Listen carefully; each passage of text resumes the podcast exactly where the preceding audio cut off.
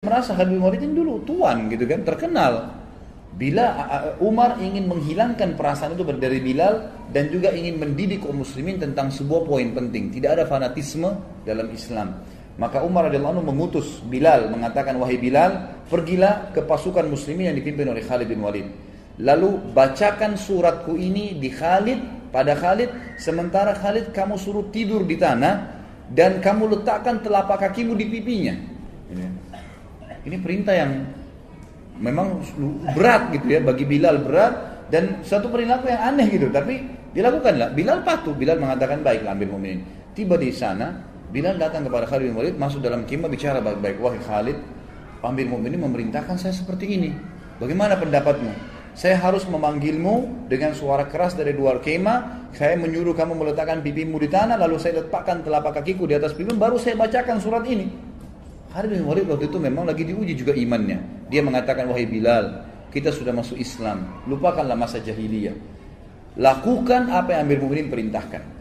Maka Bilal pun keluar dari kemah lalu teriak dengan dari luar mengatakan, wahai Khalid ibn Walid, keluarlah. Keluar. Gitu kan? Begitu keluar, letakkanlah pipimu di tanah dan aku akan letakkan telapak kakiku di pipimu sebagai perintah dari Amir Mukminin. Semua pasukan lihat. Di pasukan ini banyak orang-orang Quraisy yang tahu kedudukannya Bilal dulu, yang tahu kedudukannya Khalid bin Walid dulu. Ini tuan, ini budak, bekas budak, gitu kan? Lalu Khalid bin Walid mengatakan, letakkanlah kaki Muhammad Bilal dan jangan ragu. Dan tidak pula ada yang marah dengan Bilal. Semua orang diam. Bilal pun meletakkan kakinya di atas pipinya Khalid bin Walid yang lagi diletakkan di tanah lalu membaca suratnya Amir Mu'minin Umar. Umar berkata, ini itu surat dari Amir Mu'minin kepada pimpinan perang Khalid bin Walid. Telah sampai berita kepada saya bahwasanya kau berkhianat dalam masalah ghanimah harta rampasan perang. Kalau benar, maka beristighfarlah bertobat sama Allah dan saya lengserkan kamu dari jabatanmu. Kalau tidak benar, maka kau mengatakan tidak benar sementara Bilal masih menginjak pipimu, gitu kan? Dan saya akan tetap mencopot mencopot kau dari kepemimpinan, tetap kau berperang tapi bukan lagi pemimpin agar tidak ada fitnah yang kena di tengah-tengah muslimin. Maka Khalid bin Walid dalam kondisi terinjak pipinya mengatakan itu tidak benar. Sudah selesai Bilal menyampaikan berita tersebut tapi dia tetap dicopot dari jabatannya. Tapi di sini kita bisa lihat bagaimana ya Umar bin Khattab radhiyallahu anhu sangat tegas gitu kan. Tapi bukan berarti belum, belum bukan berarti belum benci Khalid bin Walid. Terbukti pada saat beliau meninggal dunia atau akan meninggal dunia, sempat Umar bin Khattab berkata, seandainya Abu Ubaidah masih hidup, karena Abu Ubaidah tadi sudah mati, ya dalam beberapa riwayat waktu dia pergi apa namanya? Ke tempat yang ada taun. Maka aku akan mengangkatnya menjadi penggantiku. Sebab kalau aku ditanya oleh Robku hari kiamat kenapa engkau memilih Abu Ubaidah? Aku akan mengatakan bahwasanya aku mendengar hamba dan kekasihmu Muhammad SAW bersabda likulli ummatin amin wa um wa aminu hadil umma Abu Ubaidah bin Jarrah. Setiap umat memiliki orang kepercayaan dan orang kepercayaan umat ini adalah Abu Ubaidah bin Jarrah kalau seandainya Khalid bin Walid masih hidup, ini kata Umar bin Khattab, ini saksi bahasan kita. Kemudian eh, eh, pasti aku akan mengangkatnya untuk menjadi penerusku. Dan pada saat aku ditanya oleh Allah hari kiamat, oleh Rabbku, kenapa engkau memilih orang ini? Aku akan mengatakan karena hamba dan kekasihmu Muhammad SAW telah bersabda, Khalid bin Walid saifun min suyufillahi sallallahu alal musyrikin. Khalid bin Walid adalah salah satu pedang Allah yang Allah henuskan untuk orang-orang musyrik sebagaimana disebutkan di dalam ya, dinukil dari banyak riwayat-riwayat yang sahih. Bagi riwayat ini kata menurut penulisnya ini membantah tentang banyaknya isu yang salah tentang uh, pencopotan Khalid bin Walid dari masalah uh, kepemimpinan. Kemudian kita masuk ke masalah bagaimana Baitul Maqdis dibebaskan di zaman Umar bin Khattab. Umar bin Khattab mengutus pasukan ke Baitul Maqdis, ya, kemudian berperang di sana. Ringkas cerita adalah memenangkan peperangan. Lalu penjaga Baitul Maqdis, salah satu pendeta Nasrani waktu itu, tidak mau memberikan kunci kecuali kepada pemimpin muslimin.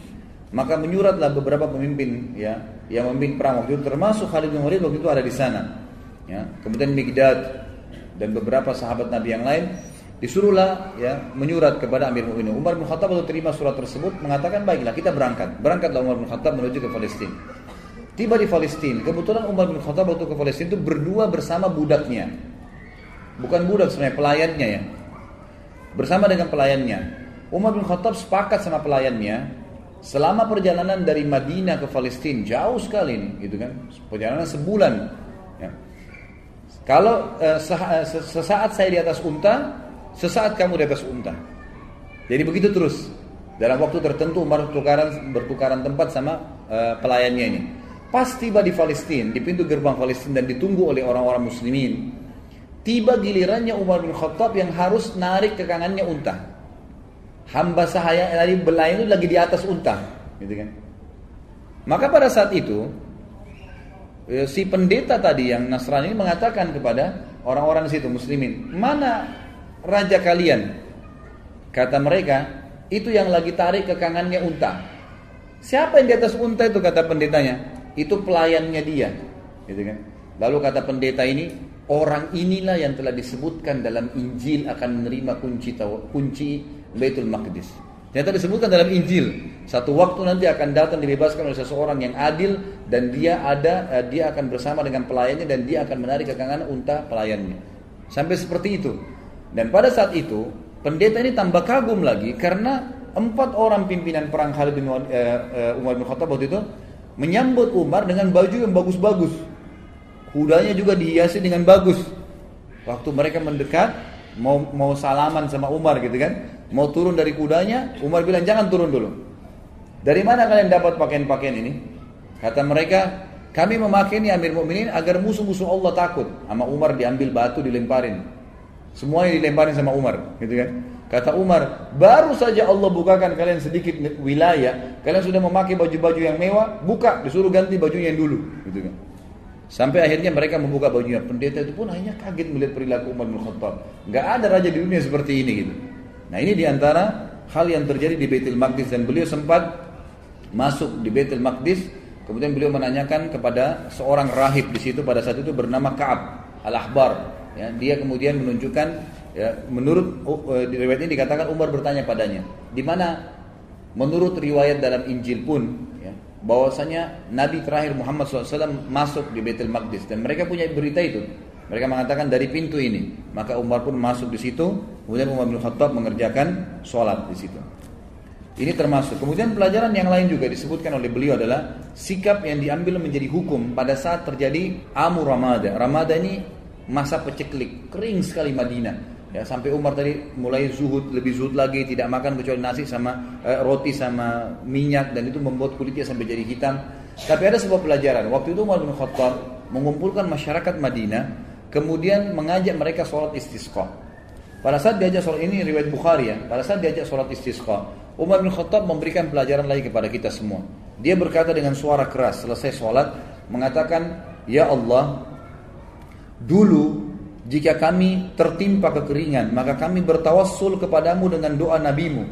Lalu engkau menurunkan hujan kepada kami. Sekarang nabi kami sudah mati. Maka kami bertawassul kepadamu dengan doa pamannya. Itu, itu Abbas radhiyallahu anhu. Maka berilah kepada kami hujan. Kemudian Umar meminta Abbas untuk berdoa kepada Allah Subhanahu wa taala.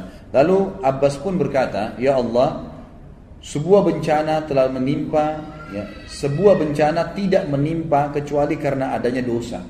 Ia tidak terangkat kecuali dengan taubat. Orang-orang memintaku terhadap eh, menghadap kepadamu karena kedudukanku di sisi nabimu Muhammad SAW. Ini adalah tangan-tangan kami terangkat kepadamu dengan dosa-dosa.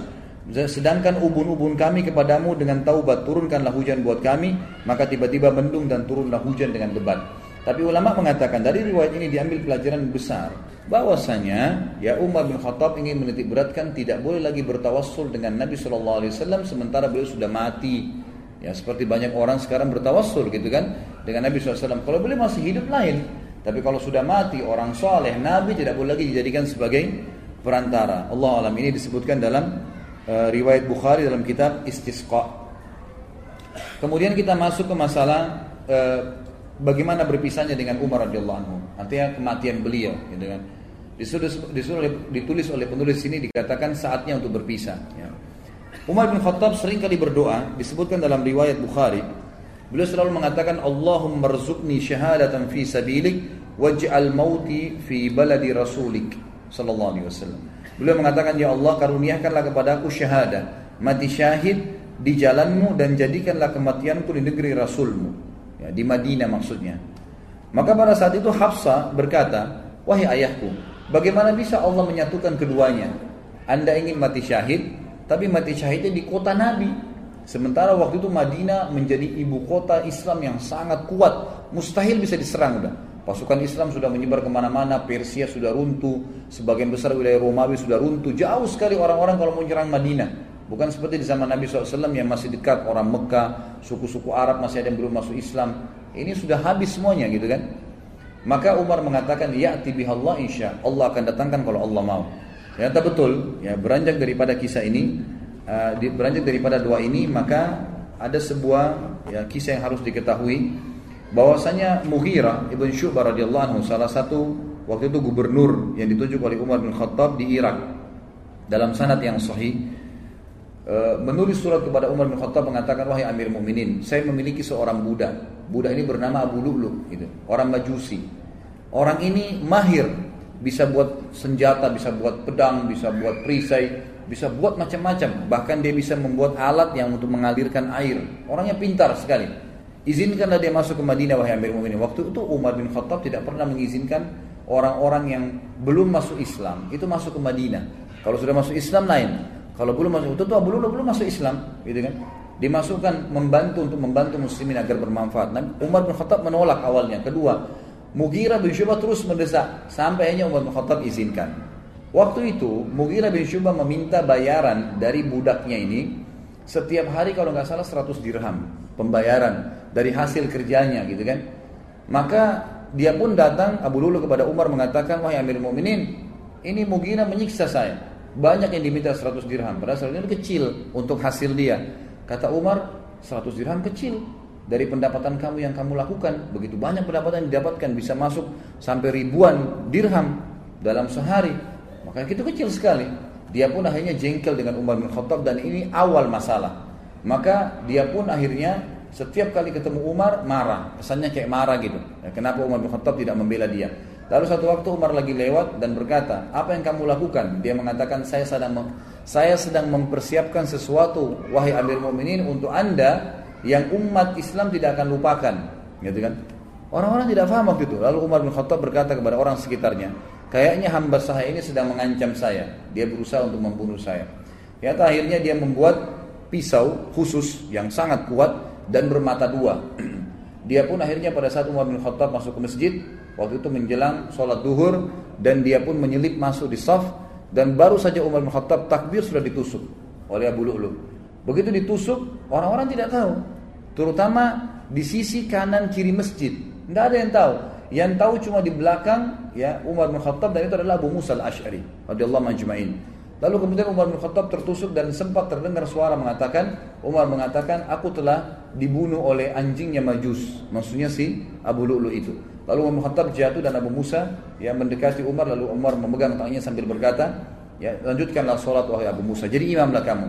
Kemudian Abu Lu'lu ini karena panik dan di sekitar Umar yang di saf-saf yang dekat tahu kalau dia sedang menusuk, maka dia berusaha menusuk semua orang yang di, di sekitar dia sampai dia melukai 13 orang dan tiga orang sempat mati terbunuh bersama Umar tentunya mati syahid nanti berempat gitu kan tapi tiga orang ini mati di masjid yang sepuluh orang luka parah gitu nah pada saat ada lihat kejadian tersebut sahabat sudah tahu kalau ini orang membunuh Amir Mukminin menusuk maka uh, dia melemparkan jubahnya ke arah wajahnya sehingga tidak melihat dan dikeroyokin pada saat itu dia tahu dia akan mati lalu dia mengambil pisau tersebut dan menusukkan ke lehernya sendiri meninggallah bulu bulu ini dalam kisah sahih ini disebutkan dan ini yang luar biasanya, semoga Allah berikan hidayah ya. Kita tetap masih mendoakan.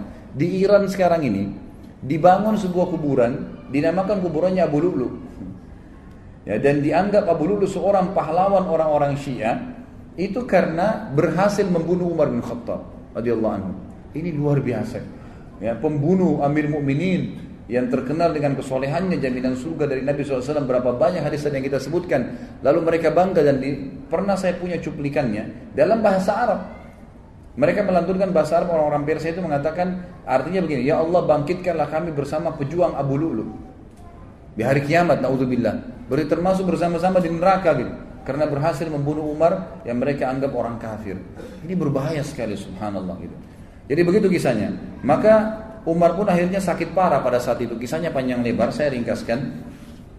Umar pun akhirnya sakit parah pada saat itu. Kemudian Umar bin Khattab berkata kepada uh, uh, apa, Abu Musa al-Ash'ari, coba lihat siapa yang menusuk saya. Waktu itu mereka belum tahu, masih simpang siur beritanya gitu kan. Sahabat-sahabat di kiri kanan Saf masih mengatakan Subhanallah, Subhanallah. Mereka nggak tahu karena suara Umar tiba-tiba hilang gitu.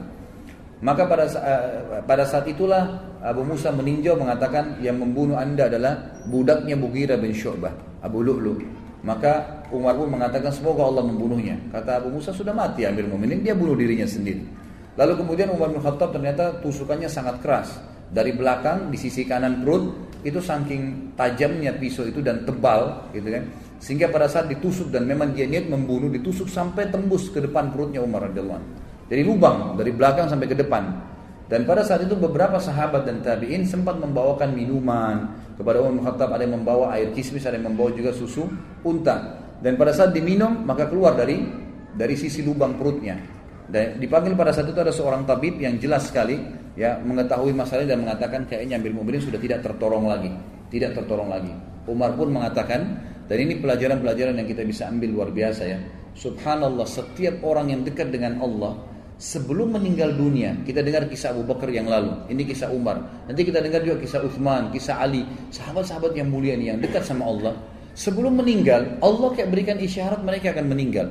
Ya jadi mereka sempat mengembalikan amanah mereka sempat memberikan wasiat mereka masih sempat menasihati mereka masih sempat menunjuk khalifah setelahnya. Banyak hal yang dilakukan gitu kan? Termasuk Umar bin Khattab. Umar bin Khattab akhirnya berbicara kalau saya mati gitu kan maka kuburkanlah saya ya dan mintalah dipanggil Abdullah bin Umar mintalah kepada Amir Ummul Mukminin Aisyah.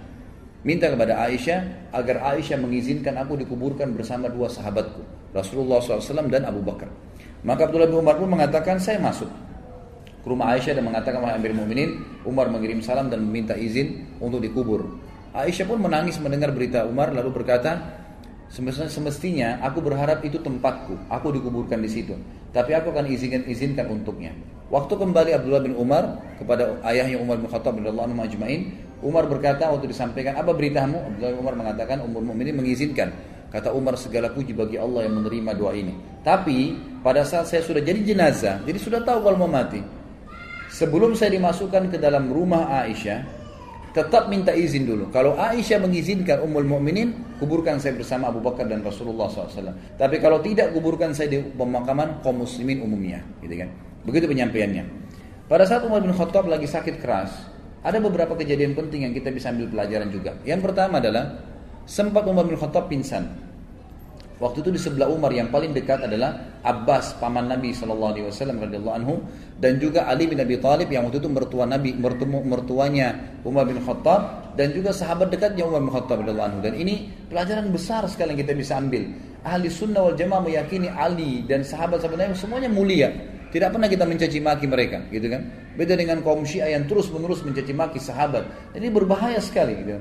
Ini bisa sampai pada tingkat kekufuran mereka, apalagi mengkafirkan sahabat. Sabda Nabi Shallallahu Alaihi Wasallam, siapa yang mengatakan kufur kepada saudaranya Muslim, maka itu akan kembali kepada salah satu di antara mereka. Siapa yang lebih berhak, ya, pengucapnya atau penerimanya. Itu kan jadi tidak mungkin ketemu antara sahabat dengan orang biasa. Tentu saja orang biasa yang terkena dalam masalah ini. Ali berkata, ya, pada saat itu Umar pingsan terdengar azan. Lalu Abbas berkata, bagaimana nih kepada Ali? Amir Mu'minin lagi pingsan. Kata Ali, ada rahasianya. Lalu Ali pun mendekati kuping Umar sambil berkata, As-salat ya amiral mu'minin. As-salat ya amiral mu'minin. Tiga kali. As-salat ya amiral mu'minin. Tiga kali ucapin. Salat wahai amir mu'minin. Tiga kali. Tiba-tiba Umar yang kondisi pingsan, perutnya ini lubang dari belakang ke depan, ya. Bangun Terbangun lalu mengatakan, iya, tidak ada Islam bagi orang yang tidak sholat. Sholat membangunkan dari pingsan, subhanallah. Ya. Kita kadang-kadang hanya kena tidur malam, sudah lama tidurnya, ranjangnya enak, nggak bisa bangun dengan azan. Kupingnya dikincingi sama setan, gitu kan. Tapi kalau ini enggak, radhiyallahu anhu bangun dalam kondisi pingsan bisa bangun hanya dengan mendengar sholat karena kuatnya imannya. Lalu dalam riwayat lain juga dikatakan Umar bin Khattab sempat tertidur pingsan tidak dibangunkan pada saat itu sampai menjelang mau terbit matahari. Lalu Umar bangun. Kata Umar, apakah orang-orang sudah sholat subuh? Kata mereka, sudah Amir Mu'minin. Lalu Umar mengatakan, iya. tidak ada ya bagian yang boleh dihormatin, diberikan jabatan di dalam Islam bagi seseorang yang tidak sholat. Ya, maka terjadilah pada saat itu Umar bin Khattab pun sholat subuh sendirian sambil duduk. Ini riwayat yang pertama. Riwayat yang kedua, pada saat beliau sakit keras, maka datanglah orang-orang yang mendoakan. Mengatakan Amir Mu'minin adalah adalah utusan adalah adalah pendamping Rasulullah SAW adalah ini. Dipuji-puji lah Umar bin Khattab. Selalu menepis. Jangan katakan itu jangan katakan itu terus begitu. Sampai ada seorang anak laki-laki berkata wahai Amir Mu'minin bergembiralah dengan berita gembira dari Allah kepadamu persahabatanmu dengan Rasulullah SAW itu sudah satu nilai. Polo, ke, ke, ke polo, ke polo, perjuanganmu ya perjuanganmu dalam Islam yang telah engkau ketahui Kemudian engkau memimpin dengan adil, kemudian engkau meraih syahadah, mati syahid sekarang. Lalu Umar menjawab, aku berharap semua itu tidak ada sambutannya denganku. Artinya jangan sampai aku merasa bangga dengan itu. Lalu ya, untuknya beliau mengatakan dan akhirnya aku lepas dari tanggung jawabku atau aku akhirnya tetap bertanggung jawab dengan dosa-dosa yang aku lakukan. Lalu pada saat anak muda itu mau keluar, ternyata anak muda ini bajunya menutupi mata kakinya. Dan ini riwayat jarang sekali disebutkan. Sebenarnya riwayat ini riwayat sahih ya, yang e, menyebutkan tentang dilarangnya laki-laki untuk isbal, menutup mata kakinya dengan celananya, dengan pakaiannya. Ini masuk dalam bab isbal sebenarnya. Lalu Umar melihat ternyata sarungnya, pakaiannya laki-laki anak muda itu menyentuh tanah, menutup mata kakinya.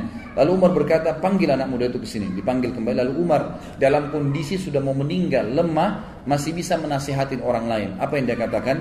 Ya bena akhi, irfa thawbak fa innahu abqa li thawbik wa atqa li rabbik wahai keponakanku ya biasanya orang dalam agama kita ini kalau ada seseorang anak muslim lebih muda ya kita bisa mengatakan wahai anak saudaraku. Ya, kalau kita biasa mengatakan keponakan karena ayahnya kan saudara kita dalam Islam. Ya biasa dikatakan gitu ya benar akhi gitu kan.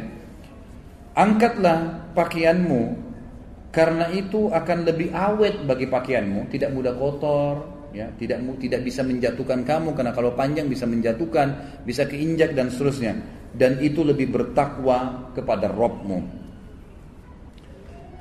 Kemudian Ibnu Abbas berkata aku berkata kepada Umar bergembiralah engkau akan meraih surga. Sungguh uh, engkau telah menyertai Rasulullah dalam waktu yang lama. Engkau memegang urusan orang-orang beriman. Engkau bersikap tegas dalam menunaikan amanah. Umar berkata Adapun berita gembira surga yang engkau katakan kepadaku Demi Allah seandainya aku mempunyai dunia Dengan segala isinya saya aku akan menjadikannya sebagai tebusan untuk menghadapi ketakutan besar Yang ada di hadapanku sebelum aku mengetahui berita itu.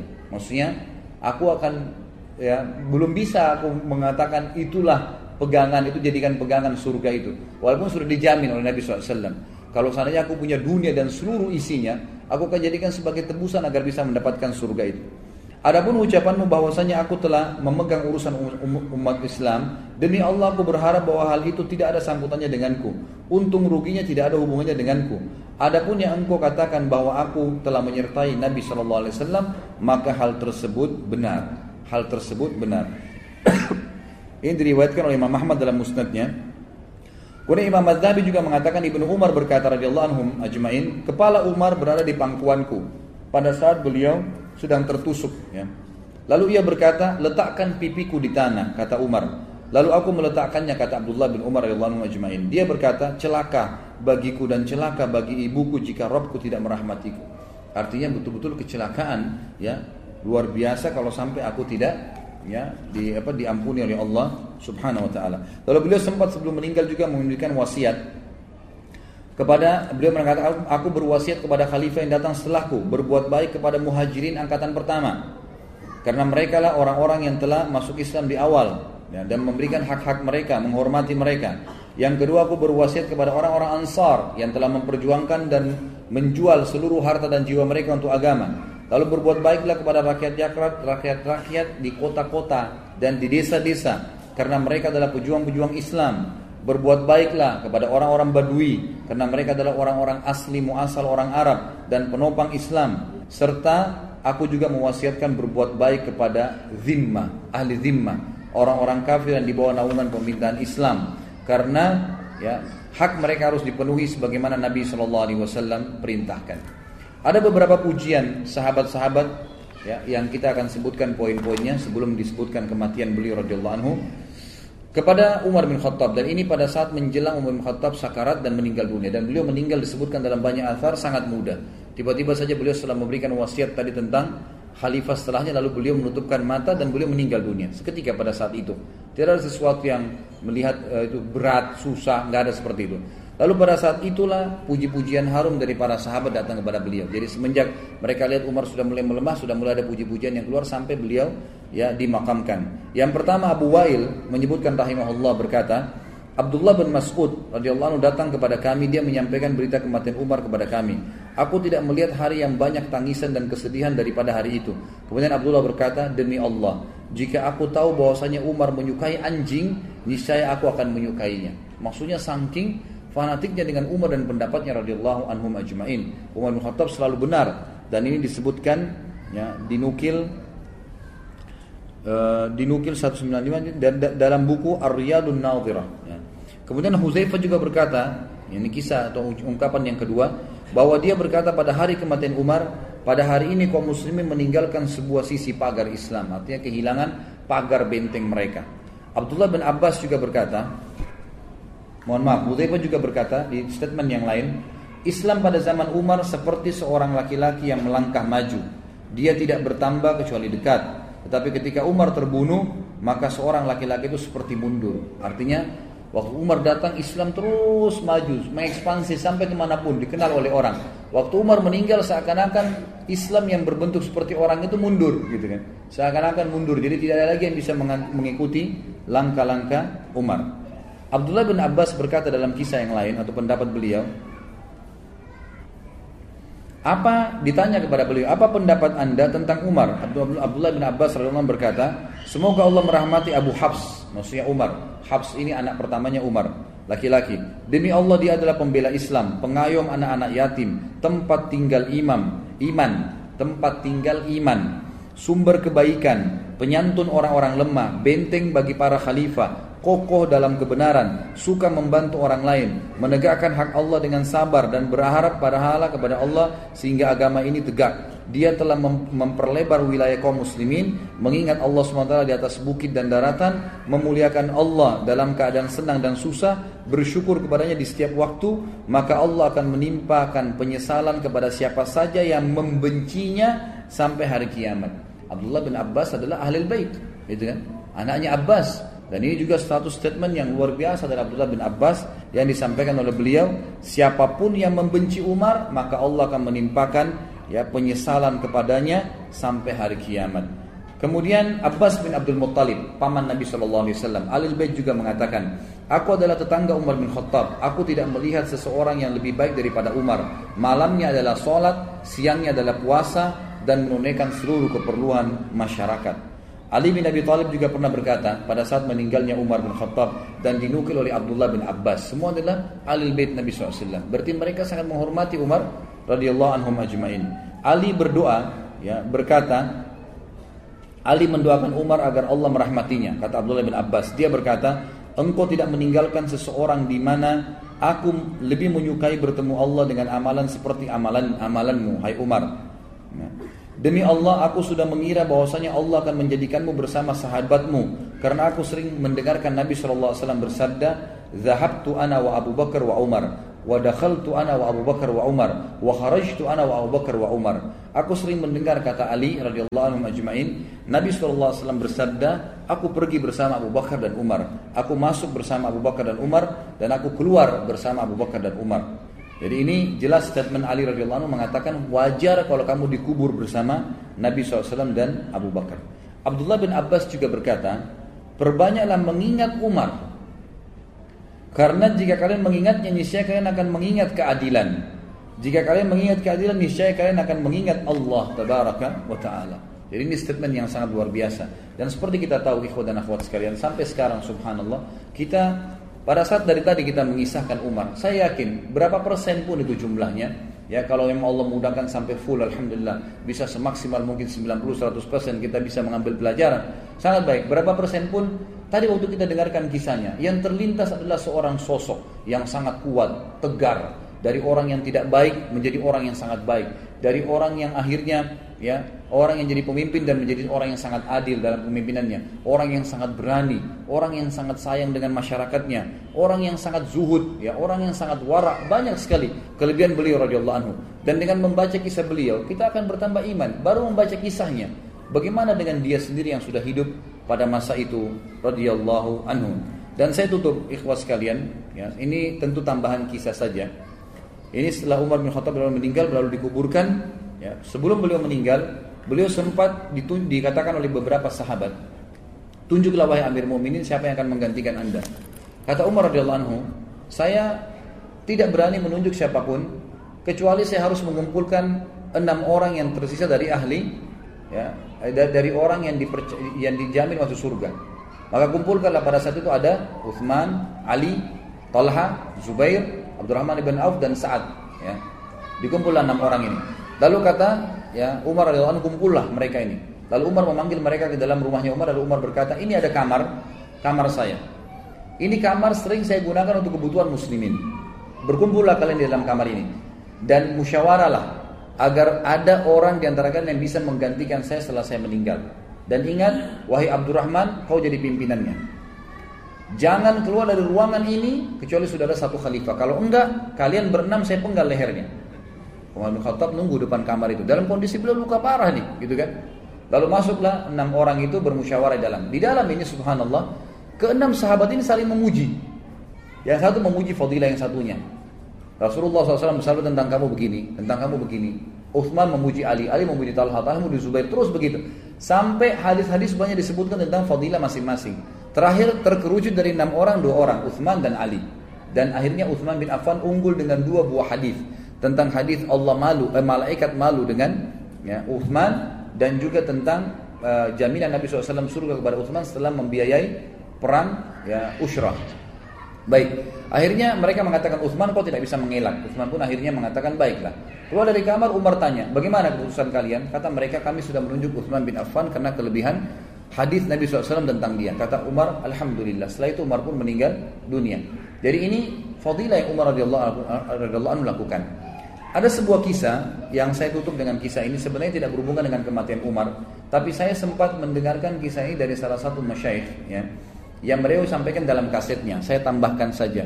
Umar bin Khattab radhiyallahu anhu beliau sangat senang kalau sudah selesai urusan pemerintahan diurus, beliau sering duduk di masjid dan menunggu kalau ada orang yang mengeluh lagi eh, atau beliau mendengarkan kisah-kisah unik. Satu waktu ada orang yang datang dan ini kisah membuat Umar bin Khattab menangis dan tersentuh secara imania dan ini juga Syekh yang menyampaikan sampai menangis. Saya lihat cuplikan itu beliau menangis mendengar kisah ini. Sambil berdoa kepada Allah seperti doanya laki-laki yang akan diceritakan dalam kisah ini. Umar bin Khattab sering kali duduk atau e, menunggu orang lalu kemudian dia punya seseorang yang selalu mendampingi dia. Ini tidak disebutkan dalam kisah ini siapa dia. Biasanya Uthman bin Affan atau Abdurrahman bin Auf atau Abdullah bin Abbas. Tiga sahabat ini sering mendampingi Umar radhiyallahu anhu di samping kanan atau kirinya. Lalu masuklah dua orang dalam masjid waktu itu kembar persis sama, bajunya sama, ya. Semua penampilannya sama, rambutnya, alisnya, kulitnya, tinggi badannya, paras wajah, poster tubuh sama semua, nggak ada bedanya. Seperti orang kembar gitu. Tapi kembar, kembarnya ini luar biasa uniknya gitu, semua sama. Lalu Umar bertanya kepada orang di sebelahnya, siapa orang ini dua orang itu? Yang di sebelahnya bilang kepada Umar, itu Amir Mukminin, ayah sama anaknya. Umar kaget. Umar mengatakan, ayah sama anaknya seperti seakan-akan saudara kembar. Jadi hampir sama rambutnya sama-sama. Dia masih hitam, masih muda rambutnya si si ayah ini gitu. Kondisi fisiknya masih sama dengan anaknya. Lalu Umar yang angkat suara mengatakan, "Ajaban ma itu yaum." Sungguh mengagumkan apa yang saya lihat hari ini. Lalu mengarahkan pandangan beliau ke ayahnya si anak tadi yang anda jalan di depan.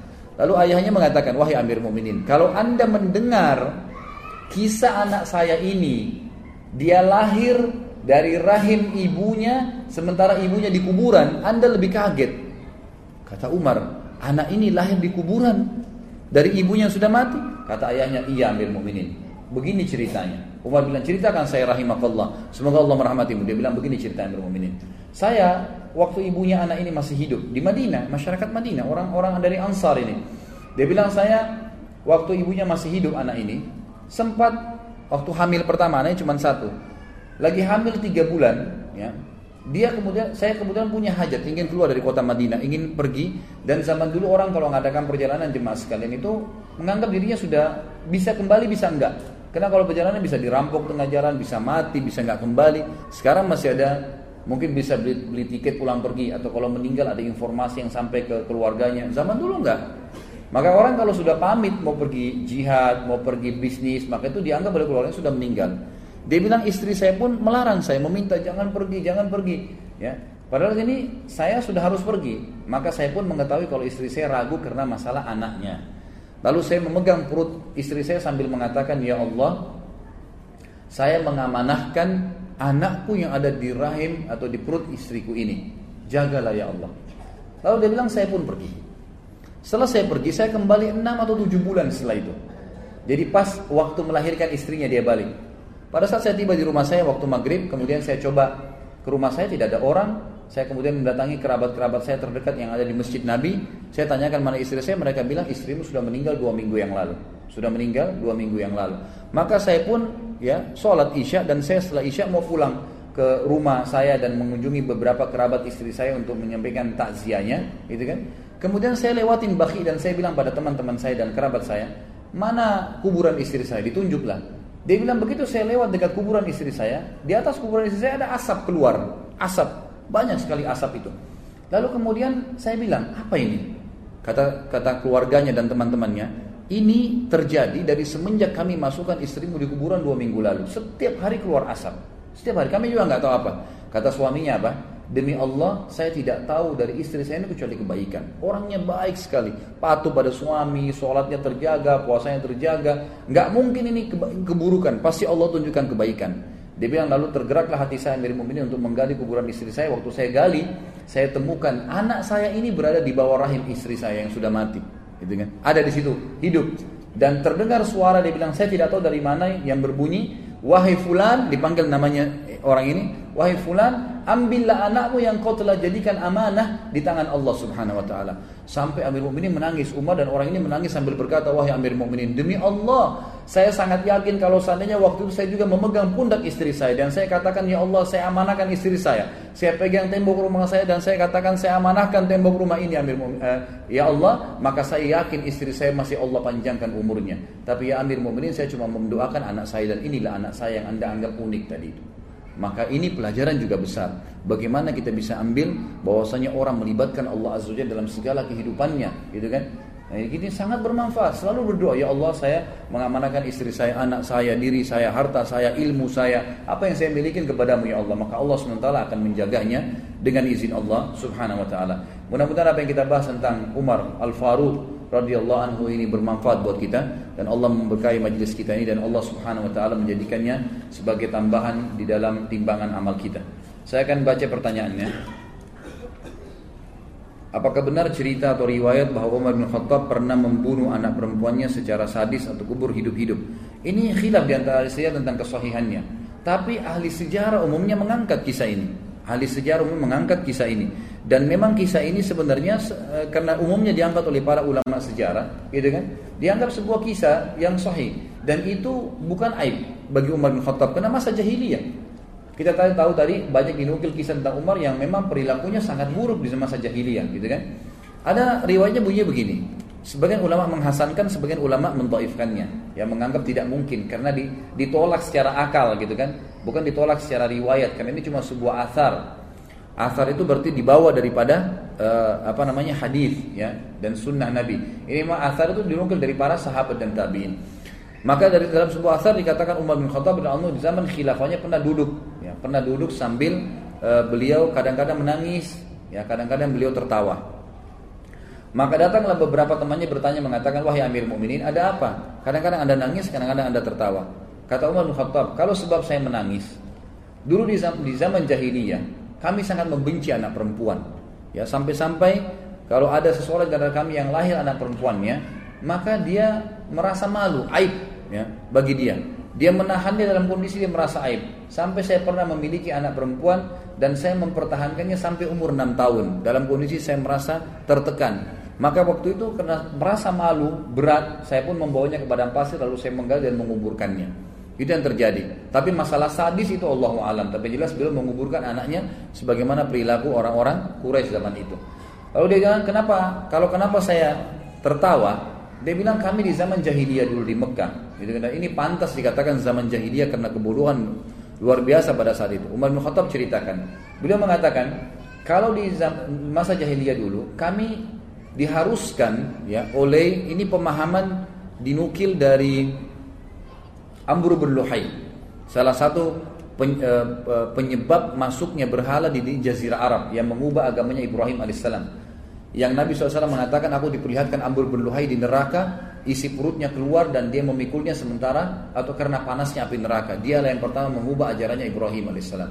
Dan Amr bin Luhai pertama masukkan patung-patung di Mekah untuk disembah sampai akhirnya keluarlah keputusan setelah dia meninggal yang berkembang terus di Mekah orang-orang yang mau menyembah berhala ya harus membeli patung dari Mekah atau patung itu harus dibuat dari batu Mekah dari benda dari Mekah maka Umar bin Khattab berkata satu waktu saya keluar dari Mekah perjalanan ada hajat saya keluar. Kemudian saya lupa membawa patung dari Mekah. Di tengah jalan saya ingin berdoa minta sama Tuhan saya. Nggak ada Tuhan nggak ada batu nggak bawa. Ada batu berserakan sih tapi bukan bukan dari Mekah harus dari Mekah. Dia bilang saya tidak temukan dari Mekah yang bisa saya buat patung kecuali makanan saya yang waktu itu dari kurma. Saya buatlah kurma tersebut ditempel-tempelin sampai menjadi seperti patung lalu saya sembah. Selesai saya sembah, Tuhan saya tersebut saya lapar lalu saya potong kepalanya dan saya makan. Gitu. Nah inilah sebabnya kenapa Umar bin mengatakan beliau tertawa. Jadi ini riwayat saya katakan kalau kita kembali kepada buku-buku sejarah yang klasik ya, yang lama dulu, yang memang dinukil dari zaman dulu itu memang ini diangkat oleh para di sejarah. Benar atau tidaknya itu hanya sebuah asar dalam arti kata, kalaupun benar tidak berpengaruh kepada ke, ke fadilah Umar karena ini terjadi di zaman jahiliyah, ya, di zaman jahiliyah. Ustaz benarkah kisah seorang Umar bin Khattab di masa sebelum masuk Islam pernah membunuh? Ini sudah. Dalam sholat yang dua rakaat mana yang lebih afdal? Duduk iftirash atau duduk tawarruk? Ustaz sendiri pakai yang mana? Gitu kan. Ini bab sholat sebenarnya ya. Jangan ditanya di sirah. Baik duduk iftirash adalah duduk yang farash. Itu artinya menduduk menduduki eh, apa telapak kaki kiri dengan bokong kita. Namanya iftirash farash artinya orang Arab mengatakan firash itu tempat tidur untuk terlentang karena telapak kaki itu dipakai duduk gitu kan dipakai seperti orang yang sedang istirahat kalau tawarruk diambil dari kata-kata warak yang berarti bokong, artinya pantat kita didudukan di tanah. Ya, jadi kalau antum satu waktu terlintas duduk iftirash, ingat aja farash itu adalah didudukin berarti didudukin telapak kaki kita. Kalau warak berarti dari diambil dari kata-kata uh, tawarruk dari kata-kata warak yang berarti bokong yang didudukan di tanah. Kalau masalah ini khilaf di antara Imam Syafi'i dan jumhur ulama. Imam Syafi'i rahimahullah mengatakan beranjak daripada hadis yang dihasankan dan disohikan oleh sebagian ulama. Ada yang menghasankan, ada yang mensohikan. Yang berbunyi Nabi Shallallahu Alaihi Wasallam setiap kali mau salam duduknya tawarruk. Setiap kali mau salam duduknya tawarruk. Jadi duduknya bokong yang dibawa. Setiap kali mau salam ya. Artinya dari riwayat ini mau satu rakaat kah, mau dua rakaat kah, mau tiga rakaat, mau empat, misalnya witir satu rakaat, sholat subuh dua rakaat, sholat maghrib tiga rakaat misalnya, atau sholat duhur empat rakaat. Pokoknya duduk ya untuk salam maka duduknya tawarruk. Imam Syafi'i berpegang pada ini. Dan ini riwayat yang bisa dipegangi. Jumhur ulama, di antara Imam Ahmad yang dominan di sini, rahimahumullah semuanya, beliau berkata ada hadis yang berbunyi Nabi Wasallam ya, kalau duduk dua rakaat maka duduknya iftirash. Hadis itu bunyinya begitu. Nabi Wasallam kalau duduk dua rakaat duduknya iftirash. Maka Imam Ahmad mengatakan riwayat ini memberikan penjelasan dua rakaat itu salam atau tidak duduknya iftirash. Dan didukung oleh jumhur ulama Imam Malik, Imam Malik juga mengatakan bahwasanya ya setiap sholat yang dua rakaat ke bawah dua rakaat satu rakaat seperti subuh dan witir maka duduknya iftirash. Tapi dua rakaat ke atas Tiga rakaat kayak maghrib, rakaat keempat duduknya tawarruk. Ini kurang lebih saya nukilkan khilaf di antara ulama tentang masalah ini. Tapi Ibnu Qayyim rahimahullah menggabungkan keduanya, mengatakan boleh seseorang mencoba ini dan mencoba itu. Ya dalam arti kata karena dua-dua memiliki riwayat yang benar. Saya Rafa anak kelas 2 SD di Bogor mau tanya, apakah Nabi Muhammad SAW hijrah ke Habasyah? Jawabannya tidak. Nabi SAW tidak hijrah ke Habasyah, tapi memerintahkan para sahabat untuk hijrah ke Habasyah. Berapa lama hijrah ke Habasyah? Kalau perjalanan ke Habasyah itu khilaf ahli sejarah tentang waktunya. Tapi perjalanan yang ditempuh oleh para sahabat dari Mekah ke Jeddah dulu ke pelabuhan dan itu ditempuh sekarang dengan satu jam perjalanan. Kalau dulu itu ditempuh seper, seper, seperempat hari, ya. Jadi satu hari 24 jam dibagi kurang lebih 8 jam perjalanan sekarang. Kemudian mereka menaiki kapal dan kapal ini tidak pernah disebutkan kepada kita tentang e, waktu ke negeri Habasyah. Intinya sahabat sudah tiba di sana dan mereka tinggal di sana itu cukup lama, ya cukup lama, berbulan-bulan. Tapi juga sama tidak dinukil kepada kita dalam riwayat sahih berapa jumlah pasnya. Tapi mereka berbulan-bulan karena mereka tidak kembali ya ke Mekah kecuali setelah sujudnya orang-orang Quraisy. Pada saat mereka mencaci maki Nabi Shallallahu Alaihi Wasallam dekat Ka'bah, lalu Nabi Shallallahu Alaihi Wasallam ya membaca ayat tentang sujud. Lalu semua orang Quraisy tiba-tiba sujud pada saat itu. Sampai orang yang tidak mampu pun sujud itu mengambil debu dan menaruh ya debu di kepalanya. Kemudian dia mengatakan ini cukuplah buat saya karena saya juga sujud. Karena ada firman Allah swt. Tapi saya tidak terlintas sekarang ayatnya. Anda bisa kembali ke materi saya Sirah Nabawiyah saya sampaikan tuh surah apa dan ayat apa masalah itu. Berapa nabi utusan Allah? 124 ribu orang.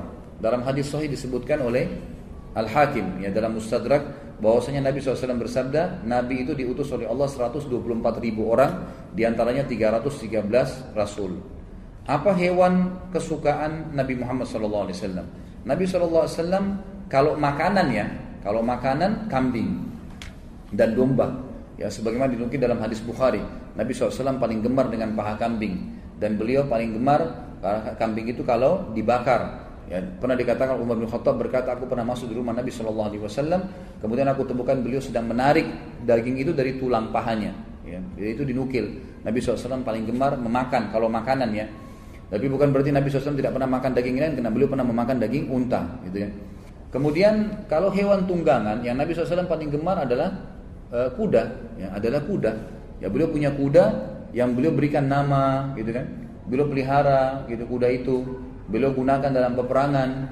Lalu datang setelahnya unta. Nabi SAW memiliki unta dan unta ini biasanya beliau gunakan untuk keluarganya. Dan itu dipegang oleh seorang supir Nabi SAW ya. Kalau kita bahasakan sekarang itu namanya Anjasya. Anjasya ini selalu memegang tali kekangan unta Nabi SAW yang memang di atas ditaruh sebuah kotak yang bisa didudukin oleh para e, istri Nabi SAW. Makanya dalam sebuah riwayat dikatakan pada saat uh, Anjasya melantunkan atau istri-istri Nabi SAW naik di atas uh, kotak itu lalu dilantunkanlah suara. Anjasa ini punya suara yang bagus sekali. Kalau dia mau menenangkan unta supaya bisa duduk maka dia lantunkan syair-syair atau lantunan syair yang indah.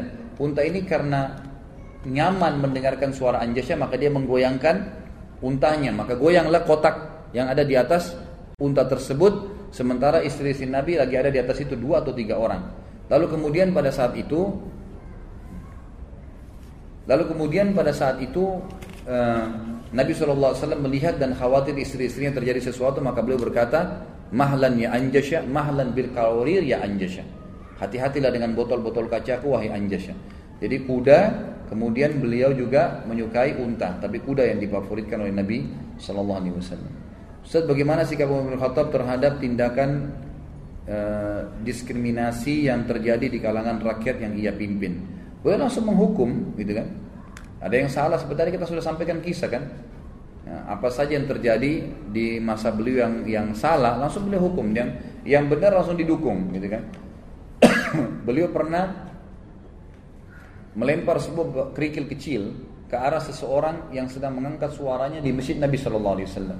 Lalu baliklah dia dia mengatakan waktu saya balik saya melihat Umar bin Khattab. Lalu saya bertanya e, kenapa Amir Anda lemparin saya batu? Kata Umar bin Khattab kalau kalian bukan penduduk Madinah, kalau kalian penduduk Madinah, maka saya akan cambuk kalian karena kalian sudah melakukan hal-hal yang ya, kalian sudah mengangkat suara kalian di masjid Nabi Shallallahu Alaihi Wasallam. Dan banyak kasus-kasus sebenarnya ya, banyak kasus-kasus misalnya ada perampasan hak, maka Umar bin Khattab mengambilnya secara paksa, mengembalikannya, gitu kan. Dan beliau pernah mengatakan dalam statementnya, semua orang yang lemah di antara kalian akan kuat di hadapanku. Apa benar ada riwayat yang menyatakan bahwa seseorang itu akan mengetahui atau merasakan adanya tanda-tanda kematian pada dirinya 40 hari sebelum ia meninggal? Ini nggak ada hadisnya. yang nggak ada hadisnya dan sebagian ulama masukkan dalam hadis maudhu di karang-karang bahwasanya orang kalau mau meninggal bisa mengetahui 40 hari sebelumnya ini tidak ada sama sekali Allah alam. Apakah benar kisah Umar yang pernah ngirim surat kepada Sungai Nil yang mengatakan sungguhnya uh, kami sedikit sedikit pun tidak membutuhkan sudah saya jelaskan tadi. Ini hadisnya jelas tadi dan riwayatnya juga sudah saya sampaikan. Benarkah air kencing unta boleh dijadikan obat? Benar. Benar, hadisnya sahih, riwayat Bukhari.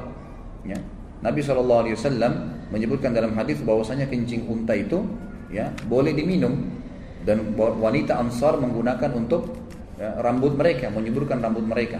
Sebagian ulama menukil mengatakan apa hikmahnya kenapa kencing unta itu bisa diminum gitu kan dan dijadikan sebagai obat dan kenapa dia tidak najis seperti hewan-hewan lain. Dinukil bahwasanya unta ini memang dengan hikmah Allah Swt mereka hanya mau makan pohon-pohon yang ada di padang pasir dan pohon padang ini semuanya kering, kering memang dan berduri. Jadi tidak ada kandungan air kalau kecuali sedikit sekali, gitu kan? Dan unta ini hewan yang tidak mau minum sembarangan air. Jadi kalau ada air tergenang dia tidak langsung main minum saja. Dia menunggu dan mencium pada saat tidak ada bau baru dia menginum minum air tersebut, gitu kan? Kalaupun di Madinah diberikan makan biasanya cuma diberikan makan unta. Ini di antara eh, diberikan makan kurma, maaf. Dan ini ya dinukil sebagian ulama menukil hikmahnya tapi yang jelas terlepas daripada itu memang ada hadis Nabi SAW hadis sahih berhubungan dengan masalah itu kalau anda lagi umroh kalau misalnya travelnya bisa itu kalau saya kemarin bimbing umroh itu e, bisa diminta ke supirnya menuju, menuju ke wilayah Hudaybiyah Hudaybiyah itu tempat perjanjian dulu antara muslimin dengan orang-orang Quraisy pada saat Nabi SAW keluar dengan 1400 orang e, untuk haji kemudian ditahan oleh orang-orang Quraisy Hudaybiyah dekat antara Mekah ke Jeddah di situ memang di pinggir jalan semuanya ya banyak orang punya peternakan unta dan mereka menjual di pinggir jalan susu unta dengan kencingnya disebelahkan gitu dijual. Kalau tidak salah dijual 3 real atau 5 real satu botol satu satu botol air mineral itu ya. Seorang muslim dieksekusi, apakah dosanya hapus? Iya, terhapus. Kalau dikisos ya maksudnya. Kalau dipotong tangannya, dosa mencurinya sudah hilang. Kalau di penggal lehernya dosa membunuhnya sudah hilang. Itu memang sudah konsekuensi daripada hukum Allah Swt. Rambut dan janggut yang sudah beruban akan menjadi cahaya di akhirat nanti.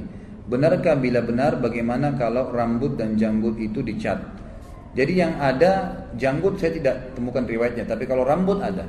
Ya, rambut memang ada. Kata Nabi SAW, siapa yang memutih rambutnya di kepalanya dalam keadaan Islam, maka akan menjadi cahaya pada hari kiamat. Riwayatnya mengatakan akan diberikan pahala per helainya rambut karena dia putih dalam keadaan Islam, gitu kan. Jadi memang kalau memutih, fadilahnya memang begitu dibiarin. Kalau ada yang mengecat berarti sudah tidak putih lagi rambutnya, gitu kan. Ya mungkin fadilah itu bisa hilang dari dia. Ustaz bagaimana dengan film Umar radhiyallahu yang menayangkan wajah Umar bin Khattab? Ini enggak benar ya. Film tersebut menceritakan tentang sirah Nabawiyah Ustaz. Bagaimana hukum ditampilkan wajah sahabat tersebut. Kisahnya itu ulama mengatakan kalau sahabat, para nabi dianjurkan menukil kisah dalam bentuk cerita, gitu kan? Dalam bentuk kisah, jangan gambar. Karena gambar ini mengharuskan orang itu yang tampil memang seperti dia. Dan itu sulit. Itu yang pertama.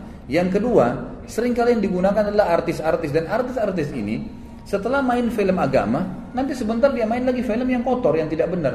Sementara orang sudah menukil ya wajahnya Umar seperti ini, wajahnya Abu Bakar seperti ini. Ini tidak benar semuanya. Allah alam yang saya tahu ulama mengatakan tidak dibolehkan, gitu kan? Tidak boleh sama sekali menampilkan. Karena tanpa ditampilkan dalam film pun sudah cukup kok. Dengan penyampaian seperti kita tadi sudah cukup sebenarnya. Orang sudah cukup mengambil pelajaran. Terkait dengan masalah mimpi dan firasat orang-orang soleh, ada diceritakan cerita-cerita di masyarakat Indonesia. Cerita mimpi orang soleh mimpi bertemu Rasulullah dan Rasulullah SAW berlari lalu dikejarnya dan ditariklah surban Rasulullah kemudian terbangun dari tidurnya.